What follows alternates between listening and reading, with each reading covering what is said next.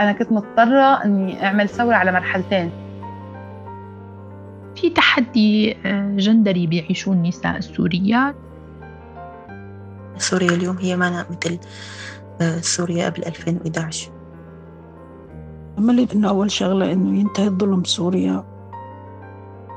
حتى لو الثورة اليوم فشلت صار في تغيير حقيقي بالبلد عرفت؟ يعني صار في وعي رأيي إنه هذا لحاله انتصار.